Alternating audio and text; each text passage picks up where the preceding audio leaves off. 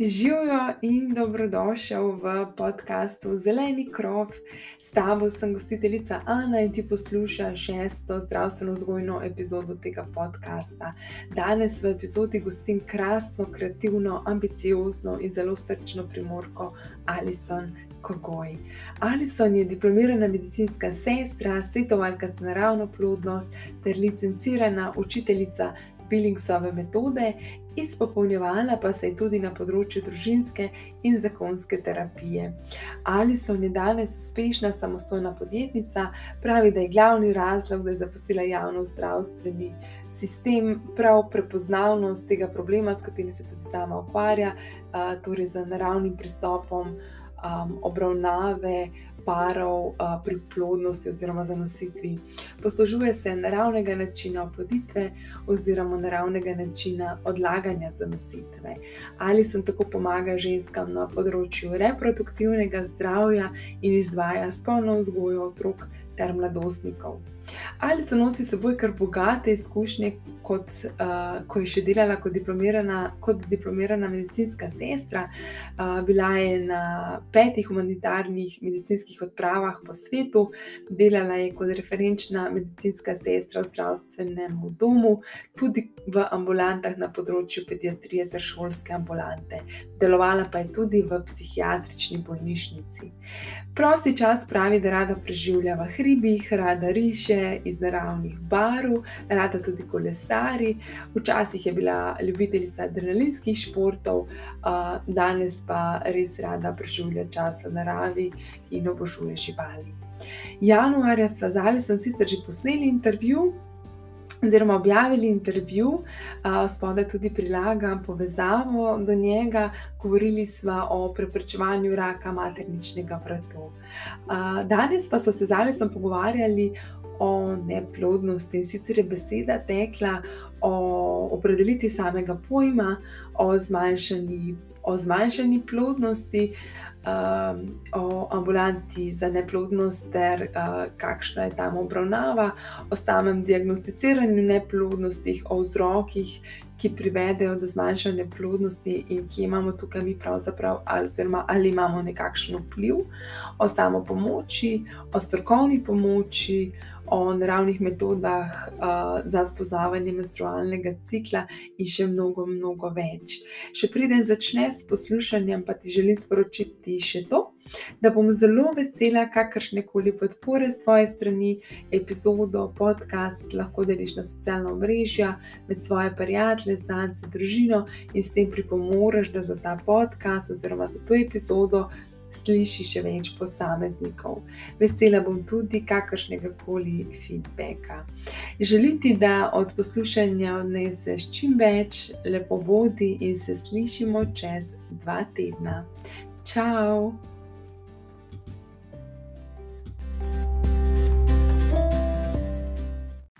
Dobro.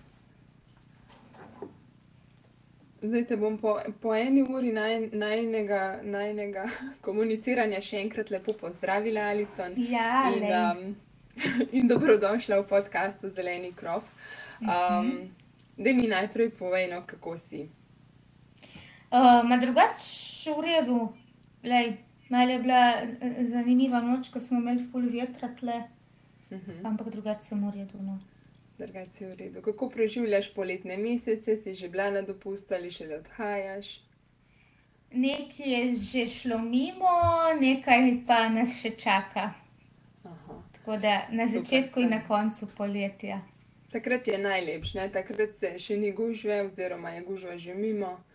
Ja. So plaže lepo, fajn same, če odhajaš na morje, seveda. No? Uh -huh. um, ali so, če začnemo mi dve kar z današnjo temo. No? Um, mi, da bomo danes govorili torej o neplodnosti, pa začniva kar samo definicijo oziroma obrazložitvijo tega pojma neplodnost. Kaj torej je sploh neplodnost, oziroma kdaj govorimo o neplodnosti? Ja, besedo neplodnost se uh, v medicini razlaga tako, da to velja za par, ki po enem letu poskušanja doseganja zanositve, uh, to zanositev ne doseže. Torej, po enem, po enem letu uh, nezaščitenih spolnih odnosov, ne, da do zanositve ne. Okay. Kdaj, pa, kdaj pa govorimo o, o zmanjšanju neplodnosti? Nekje sem prebrala, mogoče celo pri tebi o zmanjšanju plodnosti. Kaj, kaj pa je to zmanjšana plodnost? Ma, zdaj, zmanjšana plodnost v bistvu ni nek termin, ki bi se ga pogosto uporabljalo ali pa recimo v nekih teh eh, medicinskih krogih. No, vse jaz tega ne zasledim. Ne? Uh, torej, vedno ostajamo pri tej definiciji, kot sem prej povedala, ne? se pravi, pač neko mejo se mora postaviti, se pravi, če par v enem letu ni uspešen pri zanositvi, se ga potem. Uh, obravnava po teh postopkih uh, za neplodnost. Ne? Okay. Zdaj, zmanjšana, ne, zmanjšana plodnost para pa v bistvu pomeni, da ima par potencial za naravno spočetje, uh -huh. uh, ampak ima to lahko uspe, uh, če recimo vzamemo eno leto, manjkrat v enem letu. V primerjavi z nekim drugim parom, ki je pa recimo v tistem letu za nositev hitro dosegu. Zdaj, da si to malo lažje predstavljamo, recimo to, eh, če pač povem na primeru, ne, to recimo velja za primer para, eh, pri katerem se dogaja recimo to, da ima ženska na leto samo štiri ovulacije. Recimo štirikrat ovulira, oziroma je ovulirala, se pravi, v enem letu sta imela ona dva manj možnosti za dosego naravne zanositve v primerjavi z nekim parom, kjer pa recimo ima ženska povprečno eno ovulacijo na mesec, torej približno 12-11 ovulacij v enem letu. Um, tako da včasih recimo mi, da gre, oziroma da je šlo za zmanjšano neplodnost, ugotovimo šele za nazaj. Torej, um, recimo, par se je dolgo časa trudil pri doseganju zanositve, pa mogoče sta bila že obravnavana v ambulanti za neplodnost, ne, ali pa recimo so se opravili že določeni pregledi, uh, potem pa se jim recimo zgodi, da naravno, spontano zanosita. Ne. Se pravi, v tem primeru mi ne moramo več govoriti o neplodnosti, ker sta zanositev naravno dosegla. Ne. Tako da bi tam potem lahko govorili, da je šlo za neko zmanjšano plodnost. Uh, zdaj, kaj je bil pa konkretno vzrok? Ali se sam nikoli ni zgodil ta pravi čas, ali se tista jajčne celice in semenčica niste nikoli srečala. Torej, kaj točno je bil razlog za to, pa potem za nazaj ne moramo tega preverjati. Ne? Če se okoli, okoli neplodnosti še zmeraj pojavlja um, ne vem, stigma, um, strah, in zakaj meniš, da je tako, če je temu tako še? No? Ja, zdaj, tema neplodnosti je sigurno ena taka občutljiva, ranljiva tema, sploh za nek par, ki se sooča s tem. Zdaj se mi zdi, da na splošno, um, medicinsko gledano ali pa družbeno gledano, da se je začelo več govoriti o neplodnosti. Ne? Ja. Se pravi, um, kot o nekem objektivnem pogledu na to informiranje, kaj to sploh je. Še vedno mislim, da bi se lahko več govorilo o tem. Ampak, če primerjamo recimo z nekaj leti nazaj, ko se o tem sploh ni govorilo, pa ko recimo se niti ni kakšnih večjih uh, raziskav delalo na tem področju, a ne smo šli že mal bolj naprej uh, v tem. Um, zdaj za en par, ki pa se sooča s tem, je pa to sigurno ena intimna, paranljiva tema. In se v bistvu pari um, težko izpostavljajo s to temo. Ja. Jaz se recimo dostkrat srečujem s tem, da um, veliko časa to neko stisko, bolečino uh, sama nosita. Um, ja. ne podelita tega, recimo, niti svojimi najbližjimi osebami, ampak na en način je v bistvu to tudi logično, ne se jim ne gre za zameriti, ker um, Jaz vidim, da se že oni sami, sami s sabo no, težko s tem uh, soočajo, ne? ker to v bistvu pride zraven ena taka, eno tako sporočilo, um, ne vem, z nama je nekaj narobe, mi dva nisva dovolj ustrezna, sva neprimerna. Um, a ne veliko enih teh še dodatnih sporočil. In, um, mislim, da je zaradi tega pol težko o tem, kar s komorkoli govorite. In veliko časa s tem živijo to, to temo, to vsebino nosijo sami. Tako da v bistvu pri tej temi je vedno najprej gledano to, koliko se nasplošno v družbi o tem govori, se pravi, neko to zaveščanje, kaj sploh je neplodnost, kakšne so statistike, da to v bistvu lahko kogarkoli prizadene. Um, včasih uh, vidim, da bi bilo fajn se malo mal pogovarjati o tem, oziroma govoriti več o tem, kako bi bilo fajn. Um, da bi bilo dobro, da smo pazljivi o tem, kako nek par sprašujemo o tem, recimo, mhm. kdaj boste polna dva, ne? zibala je ja. imela otroka, ja. ne? ker s tem lahko hitro koga prizadanemo. Se pravi, čisteno to, tako zaveščanje. Drugo je pa recimo, koliko neplodnosti uh, lahko spregovorita dva, ki se pa s tem soočata, ki imata pa svojo lastno izkušnjo in doživljanje tega. Ja. Um, A pa tako, no. mogoče imaš kakšne podatke, kakšna pa je statistika neplodnosti, koliko pogosta, koliko pogosta je? Imaš mogoče kakšne podatke?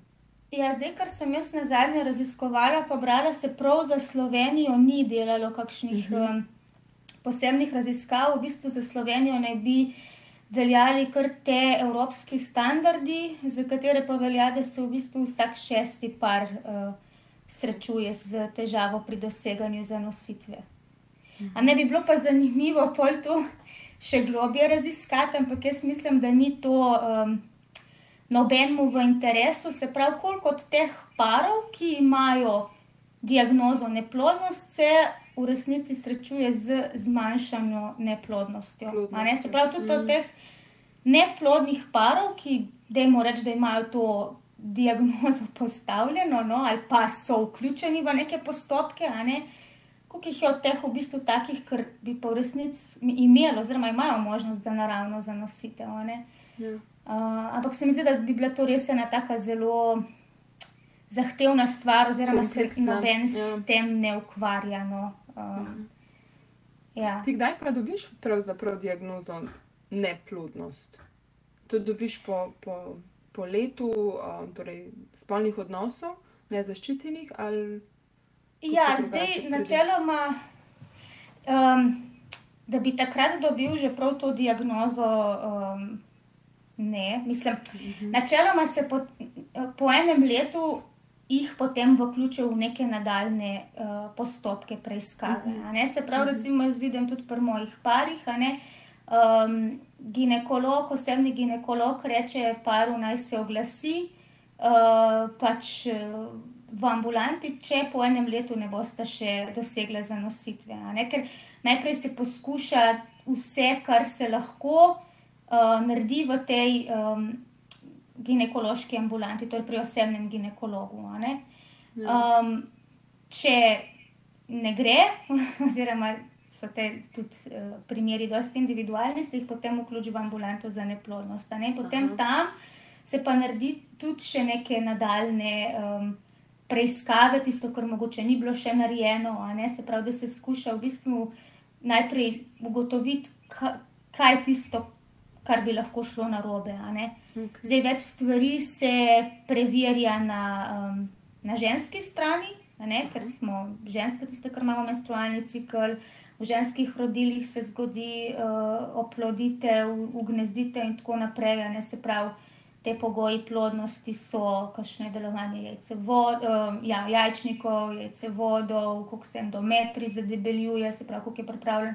Na gnezditev, oplojene jajčne celice, uh, kako je z materničnim vratom, kar je pomembno za izločanje plodne sluzi, uh, če so kakšne pridružene bolezni, recimo, ki vplivajo na to težavo pri zanositvi, kakšne endometrioza, policistični jajčniki, težave s ščitnico in druge te um, hormonske motnje, oziroma endokrine težave. Uh, pri moškem je najbolj pomemben ta uh, pregled, da se preveri uh, število in kvaliteto moških spolnih celic. Recimo, zdaj, če se tam ugotovi nek vzrok, zakaj uh, do zanositve ne pride, uh -huh. a ne se potem uh, ja, postavi neko pač, diagnozo neplodnost, se pravi, do zanositve ne pride, recimo zaradi tega in tega, a ne zdaj veliko krat.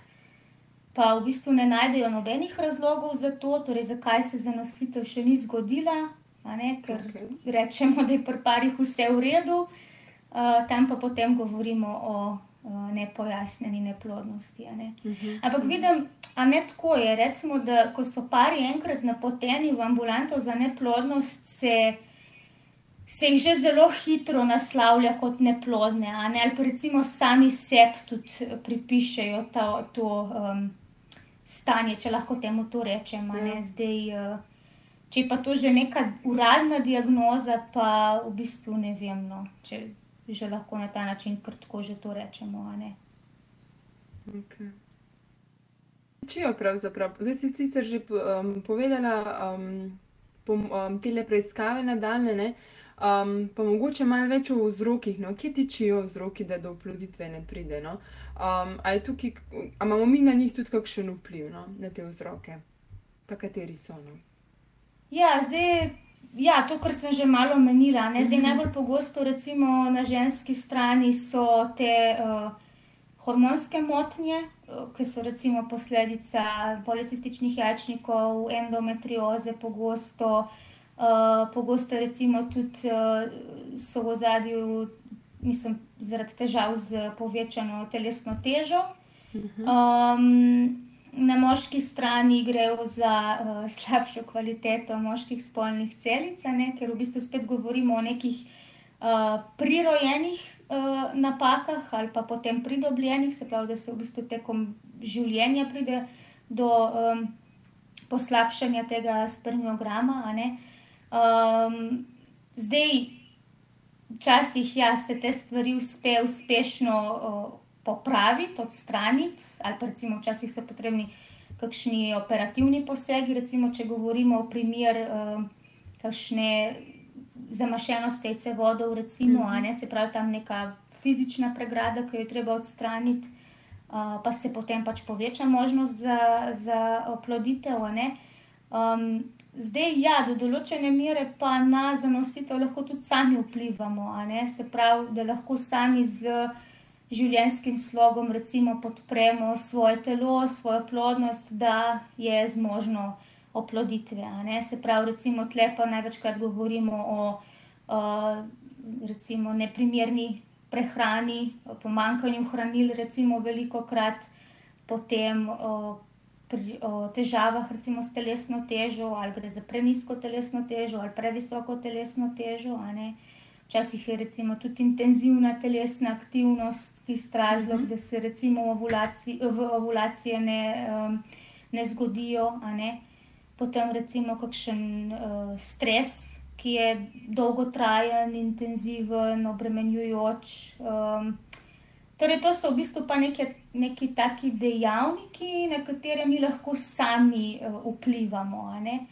Ampak tle vedno um, odvisno, kaj je tisti primarni vzrok, zakaj recimo do zanositve ne pride.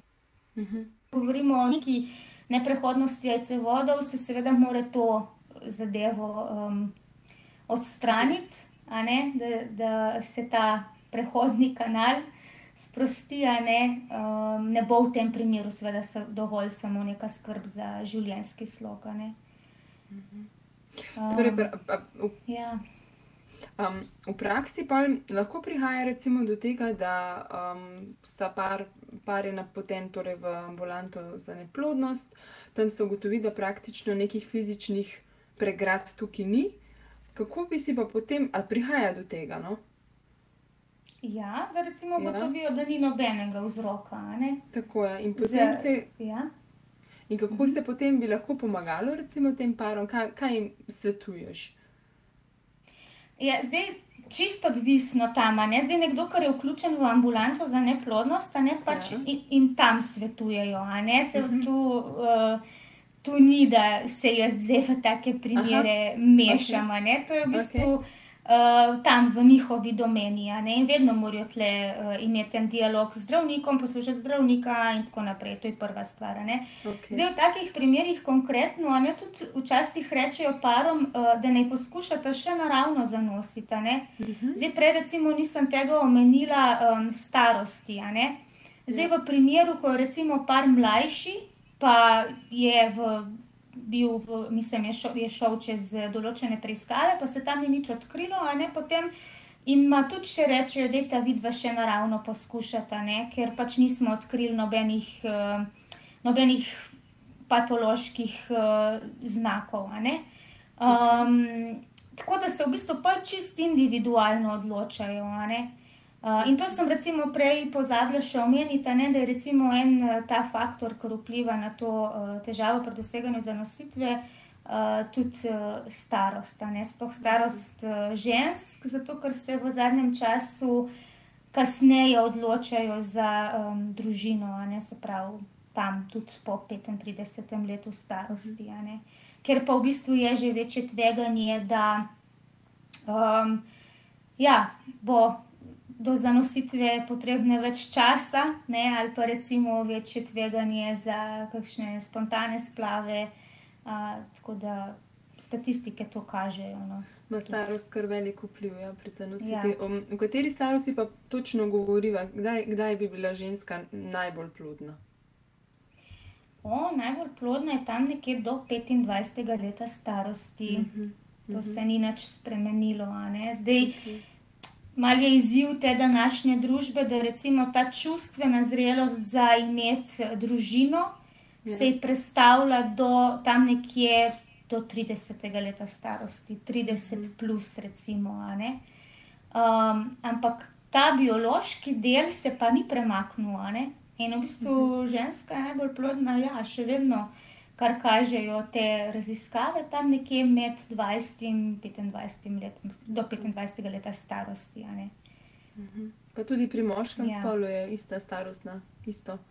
Tudi... Na starost, eh, mislim, eh, starost tudi vpliva na moško plodnost, ja, uh -huh. ampak v bistvu pri njih, eh, kako bi rekla, Dost manj. No. Uh, okay, okay. Moški so recimo tam lahko še pri 40 letu starosti, uh, če lahko rečem, še dovolj plodni. No. Zdaj, mhm. razlika je v tej čiste. Um, V tem biološkem delu ženske in moške plodnosti. Ženske se rodimo že z ustvarjeno vso zalogo spolnih celic, um, ki jo potem tekom reproduktivnega obdobja vsak ciklus porabljamo, medtem ko pri moških se pa v bistvu um, te spolne celice v modih vse čas nastajajo. Praktično se ta proces pri njih vsak dan dogaja, vsak dan obnavlja ne? in tam okay. spolne celice nastajajo, se izločajo, se stare odmirajo, tako da je ta proces vse čas vzpostavljen na tak način se neka svežina ohranja. Zdaj, pri ženskah, pa kar se predela, se predela, in potem v bistvu starostjo tudi ta kvaliteta ženskih spolnih celic uh, upada. Se pravi, tam po 30 letu starosti že to upade za. Nek procent, pol po 35 letu starosti, še bolj, ne, in zato so tudi večje tveganje za te kromosomske napake, kromosomske nepravilnosti kar je potem podlaga za težavo pri doseganju zanositve, oziroma pač za spontane splave. No. Okay. Ti, kateri pa so potem, če tako pogledamo, no, kateri pa so, kakšni pa morajo biti pravzaprav pogoji, da pride do zanositve, če gledamo moško, moškega in žensko? Ja, pogoji za zanositve, jaz so jih omenjam ponavadi šest. Mhm. Zdaj, uh, če pogledamo žensko plodnost, ta ženski del, torej redne ovulacije, oziroma prisotnost ovulacije, uh potem gibljivi, pa prehodni jajcevodi, uh potem ustrezna zadebeljenost endometrija, to je ta notranja plast uh, maternice, ne, se pravi, da je sposoben ugnezditve uh, jajčne celice, ne, uh, pa načeloma tudi, da ni zdaj kakšnih. Uh, patoloških stanj na področju endometrija oziroma maternice. Uh -huh. uh, potem od, na hormone odziven maternični vrat. Maternični vrat je pomemben zato, ker uh, izloča plodno sluz. Plodna sluz je pomembna za transport semenčic do jajcevoda. Okay. Um, torej, to imamo zdaj na ženski strani, potem pri moškem potrebujemo ustrezne uh, spermije torej številčne, pa kvalitetne spermije. Potem pa govorimo v bistvu še, nek, še o tem čustvenem nivoju, se pravi, en harmoničen partnerski odnos, ne, kjer je uh, spoštovanje, um, ja, se pravi, tudi ta čist čustveni del, ne pa v bistvu tudi potem ne na zadnje uh, spolnost v ta pravem delu menstrualnega cikla. Zdaj, ko sem omenila te pogoje plodnosti, ne, se to nanaša na, um, uh, na naravno zanositev. Zdaj, če pa bi mi govorili o neki umetni oploditvi, ne potem, um, recimo, no, zdaj spet, kater postopek se, se izbere, ne, ampak v nekem. Um, Pri in vitro oploditvi, a ne tam ni zdaj toliko pomembno, kako deluje matrični vrat, oziroma glede prisotnosti plodne sluzi, ne, ker se v bistvu en del postopka izvede v laboratoriju. Tako je. Um, ja. Pri tebi sem zasledila, da na, da na plodnost oziroma neplodnost vpliva tudi kvalitetna spolna vzgoja. Um, verjetno med že v najstniških letih in tudi kasneje, da mi malo povej, povej več o tem. No? Ja, zdaj to, če se pa bolj navežem konkretno na moje delo. Zdaj, uh -huh. moja glavna stvar, recimo, ko pridejo k meni eh, pari, ki imajo izziv pri doseganju zanositve, uh, je v bistvu ta, da se ženske naučijo spremljati svoj menstrualni ciklus. Uh -huh. To je ena stvar, um, ki daje med drugim v pogled v to, kaj se dogaja v ženskem reproduktivnem sistemu. Mi lahko iz zabeleženih menstrualnih ciklusov razberemo, kaj se dogaja v posameznih fazah menstrualnega cikla. Torej, kaj nam pove dolžina menstrualnih ciklov, um, kako je s prisotnostjo plodne sluzi, ali so ovulacije prisotne in so lahko potrjene, kako je z lutealno fazo menstrualnega cikla, kar kaže na to, da je delovanje rumenega telesca ustrezno, ne, kar je v bistvu pomembno za samo vzdrževanje nosečnosti. Se pravi, to so neke stvari, kar jih mi vidimo iz menstrualnih ciklusov, in včasih v bistvu je to prva stvar, kar nam pokaže, da se na, na področju reproduktivnega zdravja ženske nekaj dogaja. Ne. Um, da so tam ene neki patološki znaki, ker jih je potem potrebno raziskati še z drugimi diagnostičnimi postopki. Druga stvar, kar je tle pomembna, je pa tudi ta, da na ta način se pari naučijo prepoznati uh, plodno okno, ploden čas, torej konkretno čas ovulacije, ko je pa edina možnost v menstrualnem ciklusu, da do zanositve sploh pride. Tako da mhm. je veliko krat pomemben ta timing za. Um, timing, se pravi, kdaj v menstrualnem ciklusu imeti spolne odnose, da lahko pride do zanositve, se pravi, da s tem bistveno povečamo možnost. Um, in zdaj, ko si vprašala glede spolne vzgoje, je v bistvu to, da jaz vidim, koliko stvari se zamudi, ker se o teh stvarih ni nič prej govorilo. Da v bistvu ženske ne poznajo menstrualnih ciklov, še manj poznajo svoje menstrualne cikle. In če bi bili, recimo, že prej opremljeni s temi informacijami, kako menstrualni ciklus deluje, svetle ne govorimo zdaj o neki poglobljeni fiziologiji, mm -hmm. pa o nekih medicinskih terminih, ne? ampak čiste osnove.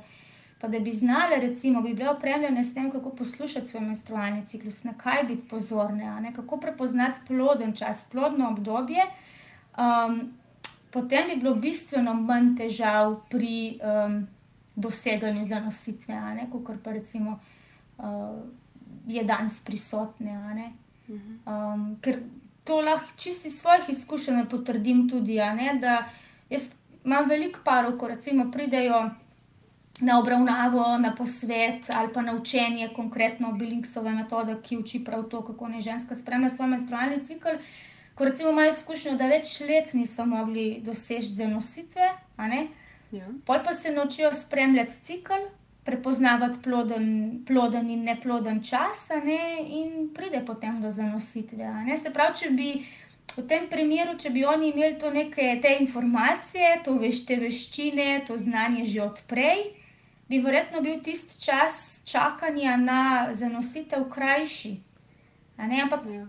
niso pa imeli teh informacij, pa tega znanja, ne se niso niti vedeli, da kakšna taka stvar sploh obstaja, da bi lahko že prej, recimo, se o teh nekih stvarih prebrali ali pa se šli tega učiti ali pa se poglabljali v to vsebino.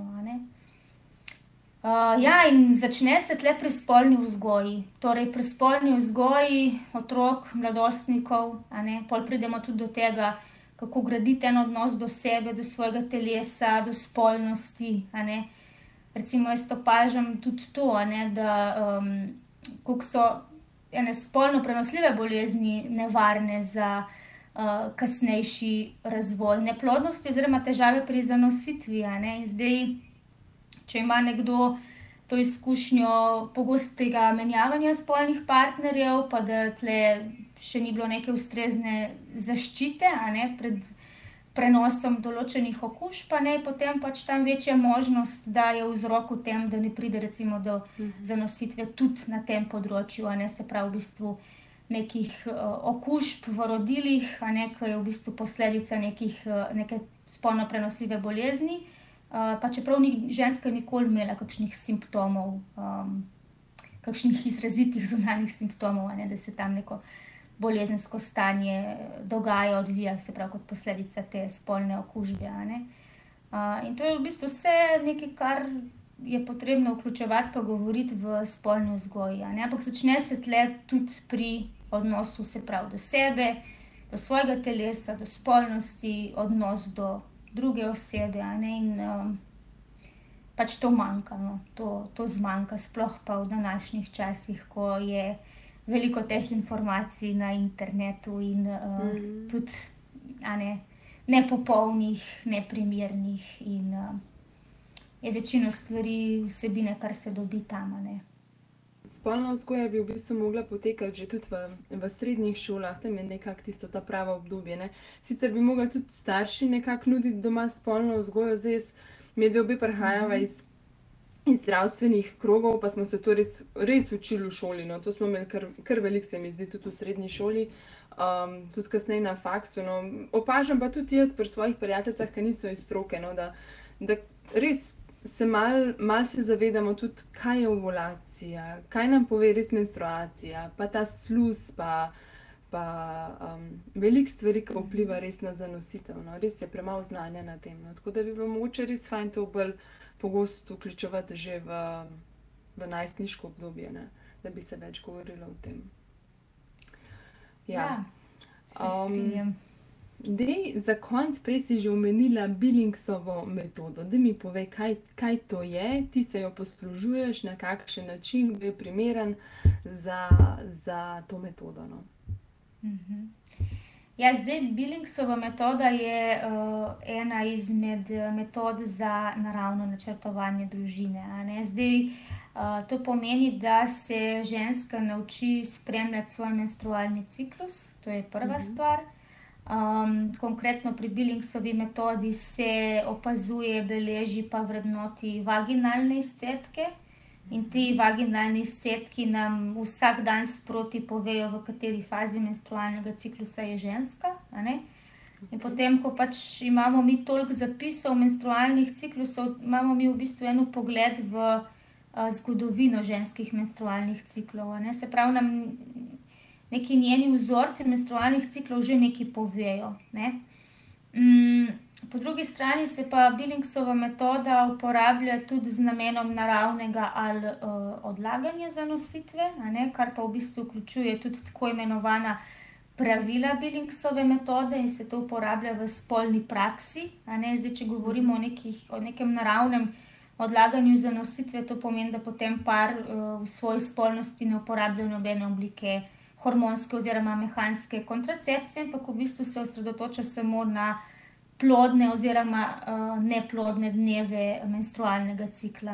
Zdaj, pri tem izhajamo iz tega, da moški so vse čas zmožni za nositve, če, če so zdravi. Ja. Ženska plodnost je povezana na menstrualni cikl.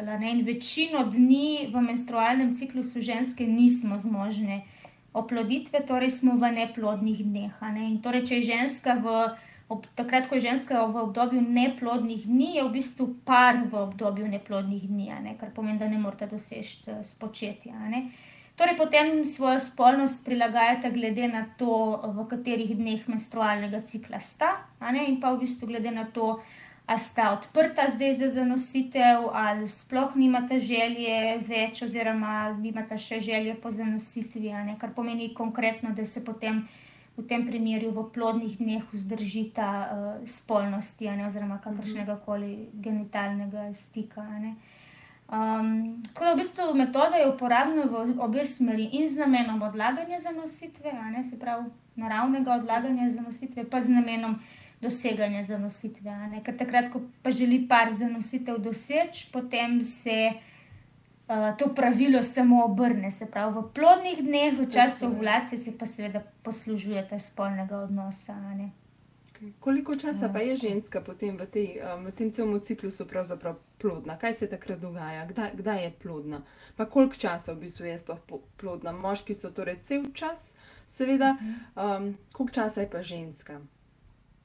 Ja, zdaj, če mi vzamemo en uh, povprečen menstrualni cikl, recimo, če govorimo o nekem čisto šolskem ciklu, uh, 28 dni, potem je približno en teden na menstrualni ciklus plodna. Zdaj, uh mhm. -huh. ženska, um, ženska je zmožna, konkretno, no, mislim, konkretno pač zmožna oploditve. V času ovulacije. To pomeni, da se iz jajčnika v jajce vod sprosti zrela jajčna celica in tam od 12 do 24 ur je zmožna združitve z moško spolno celico. Uh mhm. -huh. Zdaj, ampak, če bi bila ženska samo 24 ur na menstrualni ciklus plodna, potem bi bilo na svetu manj ljudi. Okay. Ta plodnost se pol vseeno, vseeno nekoliko podaljša, prav zato, da ima par vseeno več časa, oziroma več možnosti za dosežce nositev. In tle potem igra pomembno vlogo plodna sluz, ki sem jo prej že omenila.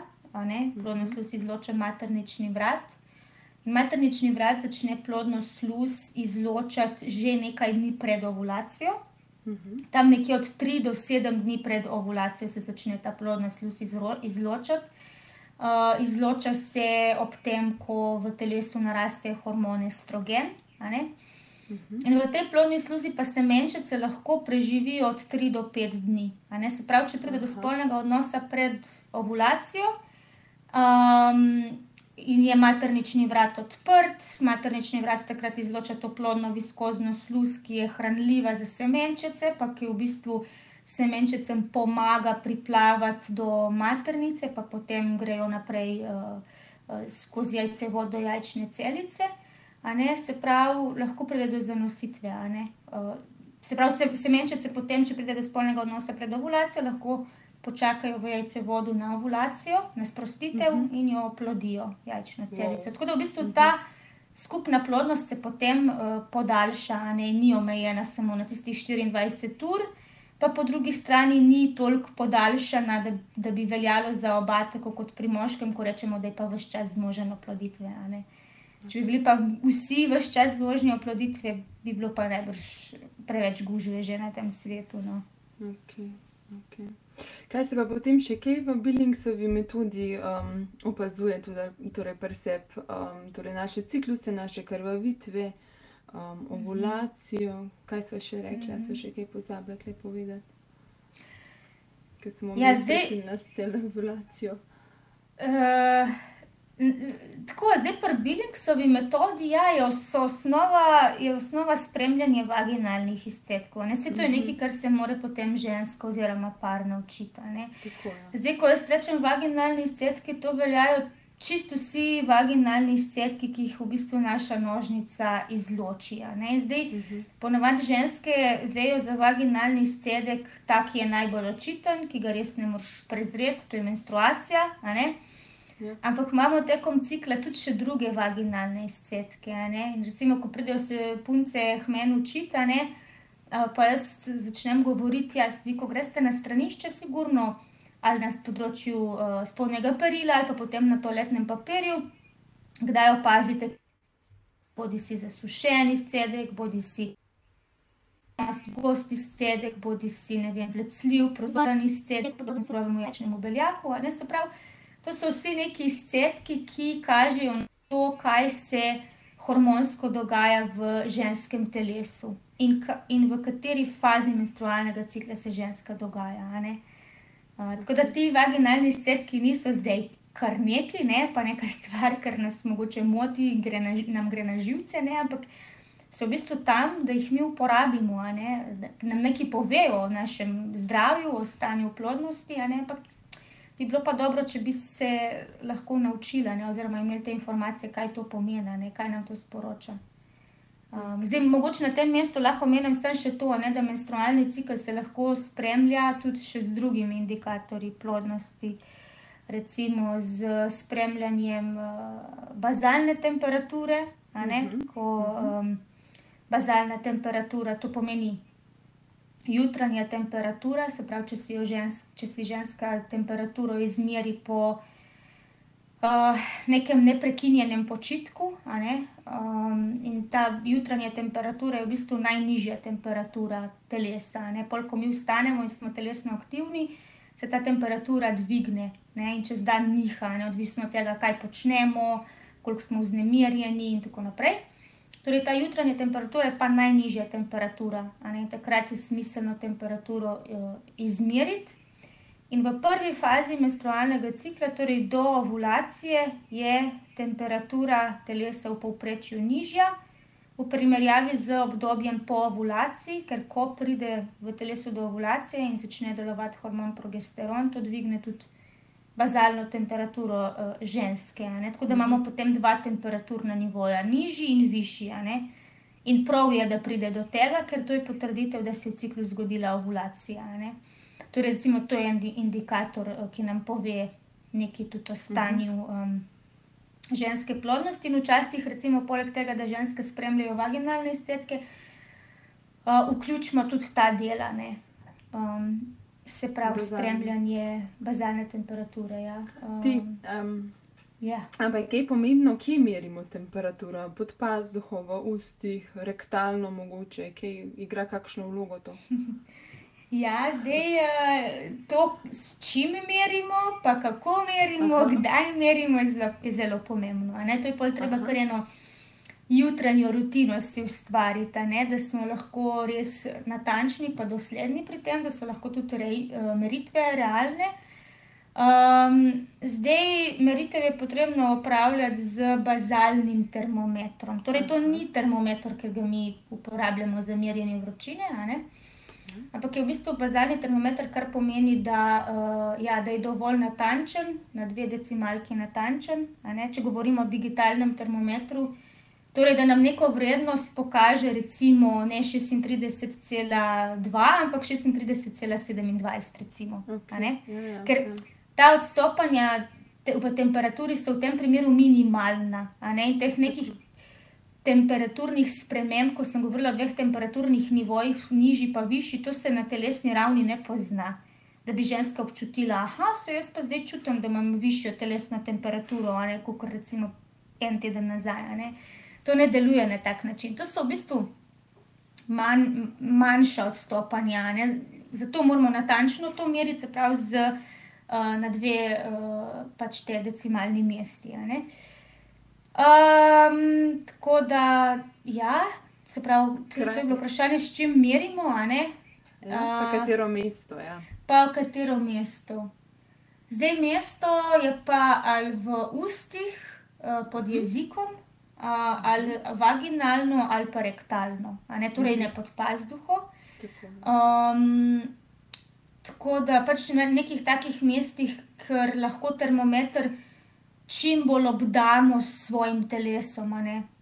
Se pravi, da imamo res v eno tako toplotno luknjo, se pravi, v usta pod jezik, rektalno ali pa vaginalno. Zdaj, večinoma se potem ženske odločijo za uh, um, pač merjenje v ustih pod jezikom.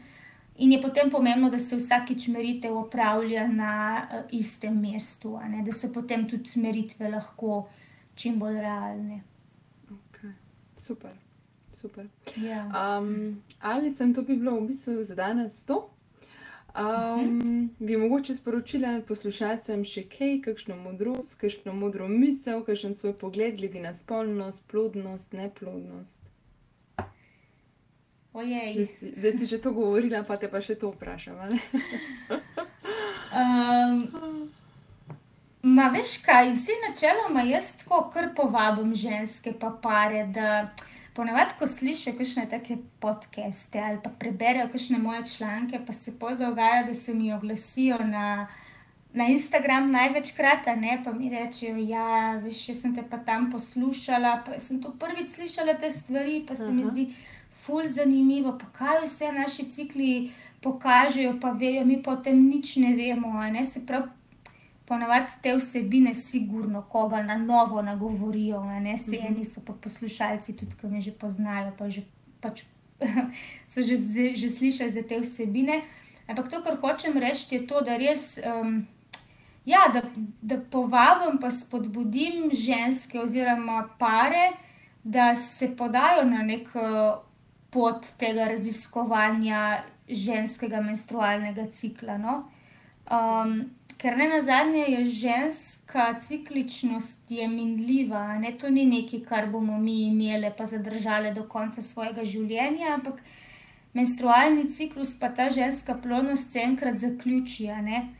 In um, menstrualni ciklusi niso pomembni samo zato, da mi lahko zanosimo oziroma ne zanosimo, ampak v bistvu nam dajo tudi eno sliko tega um, telesnega, ginekološkega zdravja, kot sem že omenila, a ne po drugi strani pa tudi um, je ena podlaga čist za eno to um, mentalno počutje ali pa neko čustveno spremenljivost iz faze cikla v fazo cikla, oziroma iz tedna v teden.